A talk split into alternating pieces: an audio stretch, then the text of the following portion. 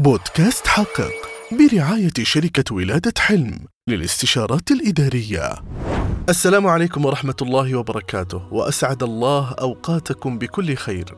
وشهر مبارك علينا وعليكم جميعا يا رب الخير والبركات.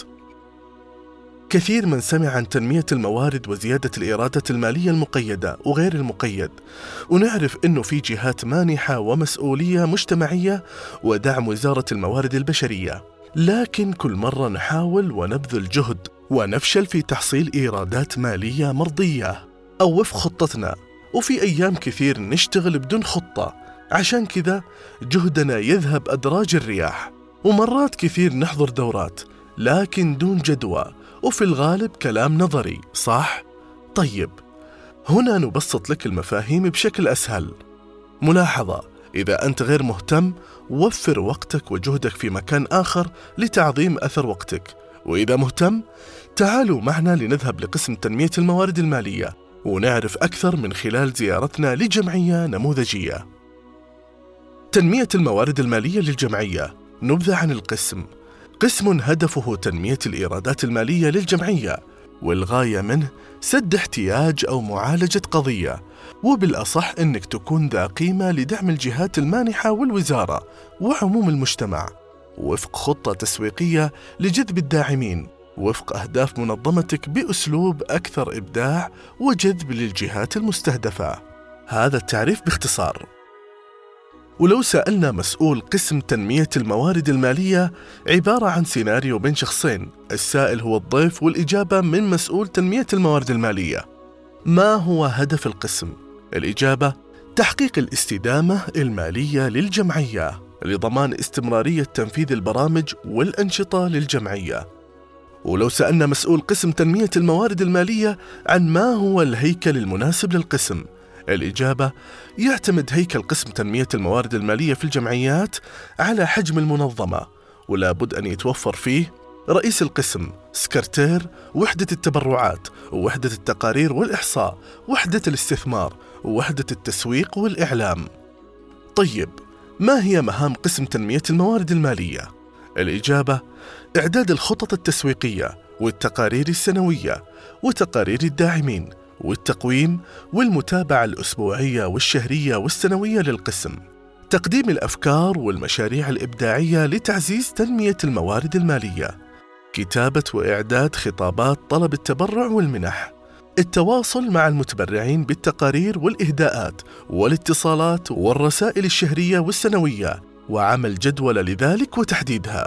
متابعة وصول ودخول الاستثمارات في البنك وبدء الاستقطاع ومتابعة المنقطعين. حصر الإيرادات التي تدخل إلى الجمعية. رفع أسماء المتبرعين لتكريمهم في الحفل الختامي وغيره. البحث عن رعاة للبرامج المستقبلية ما هي مصادر الدخل للجمعية؟ الإجابة الأفراد المحسنون التجار الشركات والمؤسسات التجارية المؤسسات المانحة الوزارة المسؤولية الاجتماعية في البنوك والشركات الكبيرة كيف الوصول إلى المتبرعين؟ بزيارتهم بمخاطبتهم بمراسلتهم بالبريد الإلكتروني وغيرها من الوسائل عبر التسويق والإعلام. نحتاج نعرف ما هي خطوات التطوير لقسم تنمية الموارد المالية. الزيارات. عن طريق زيارة الجهات المماثلة المميزة للاستفادة من خبراتهم وتجاربهم. اللقاءات والورش والدورات التدريبية. مشاركة فريق تنمية الموارد المالية في لقاءات ودورات وورش عمل. في نفس الجانب لتبادل الخبرات ونقل التجارب. التدريب الذاتي والاستفادة من المواد الرجوع إلى المواد السمعية والمقروءة والمرئية الخاصة بتنمية الموارد المالية الموجودة عبر اليوتيوب والمواقع. ما هي الأفكار والوسائل لتنمية الموارد المالية التي تتبعها؟ الإجابة: الأفكار كثيرة، منها طبقناها ومنها لا زالت. أهمها التواصل مع التجار والمؤسسات والمؤسسات المانحة، وهناك عدة طرق للتواصل: الاتصال، الإرسال، الزيارة، وهذه أفضل الوسائل. الاستفادة من التسويق والإعلام لتنمية الموارد المالية. إقامة حملات إعلامية تسويقية ترويجية للبرامج والمشاريع مستخدمين جميع الوسائل المسموعة والمرئية والمقروءة وأهمها الترويج المدفوع لمنصات التواصل الاجتماعي من أفضل الوسائل المشاهير. التسويق عبر مشاهير حسابات التواصل الاجتماعي. القنوات الفضائية. التسويق عبر القنوات الفضائية. رسائل الجوال. التسويق عبر الرسائل النصية. الواتساب. التسويق عبر مجموعات الواتساب. العنصر النسائي.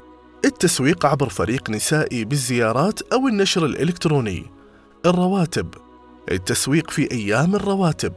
رواتب المتقاعدين بمنتصف الشهر ورواتب الشركات ببداية الشهر الميلادي ورواتب الموظفين. خطوات الاستفادة من البنوك المحلية لتنمية الموارد المالية وهناك عدة طرق خاصة بالبنوك. الحسابات البنكية فتح حسابات بجميع البنوك. تعدد وتقسيم الحسابات فتح ثلاث حسابات في كل بنك حساب عام وحساب للزكاة وحساب للوقف. خدمة مباشر. طلب إضافة الحسابات عبر خدمة مباشر البنوك ليسهل الوصول للمتبرعين. خدمة مباشر. طلب خدمة مباشر لمتابعة الحسابات. نقاط البيع. توفير جهاز نقاط البيع من البنوك لتسهيل عملية التبرع للمتبرعين ببطاقة الصرافة. الاستقطاع. تفعيل الاستقطاع الشهري من حسابات المتبرعين. قيمة الإيصال. الشراكة مع البنوك للتبرع بقيمة إيصالات الصرافة لمن يتركها من الصرافة. الإعلان. الشراكة مع البنوك لوضع إعلان للجهة الخيرية خلف إيصالات الصرافة والإعلان داخل شاشات الصرافة. المسؤولية المجتمعية. الاستفادة من قسم المسؤولية المجتمعية بالبنوك وعقد الشراكة معها لدعم برامج الجمعية. التحديث.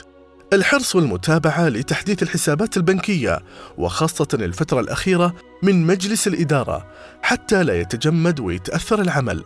جهاز صرافة. تأجير مقدمة وقف أو مبنى الجهة الخيرية على البنك لوضع صرافة.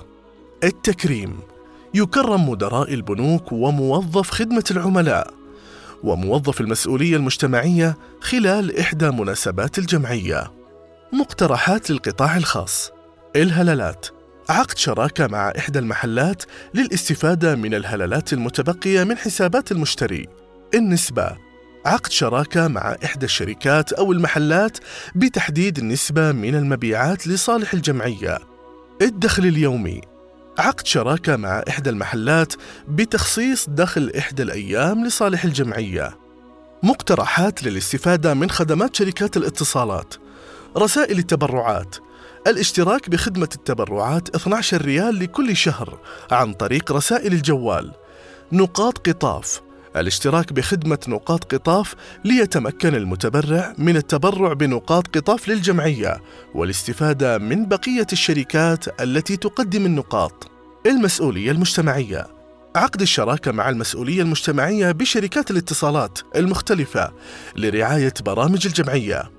الكشكات الإعلامية كشك السيارة إنشاء كشك إعلامي للسيارات بزاوية الجمعية ليسهل على المتبرع التبرع وهو في سيارته. كشك الأسواق إنشاء كشك إعلامي داخل الأسواق يكون هدفه إعلامي وتنمية الموارد المالية.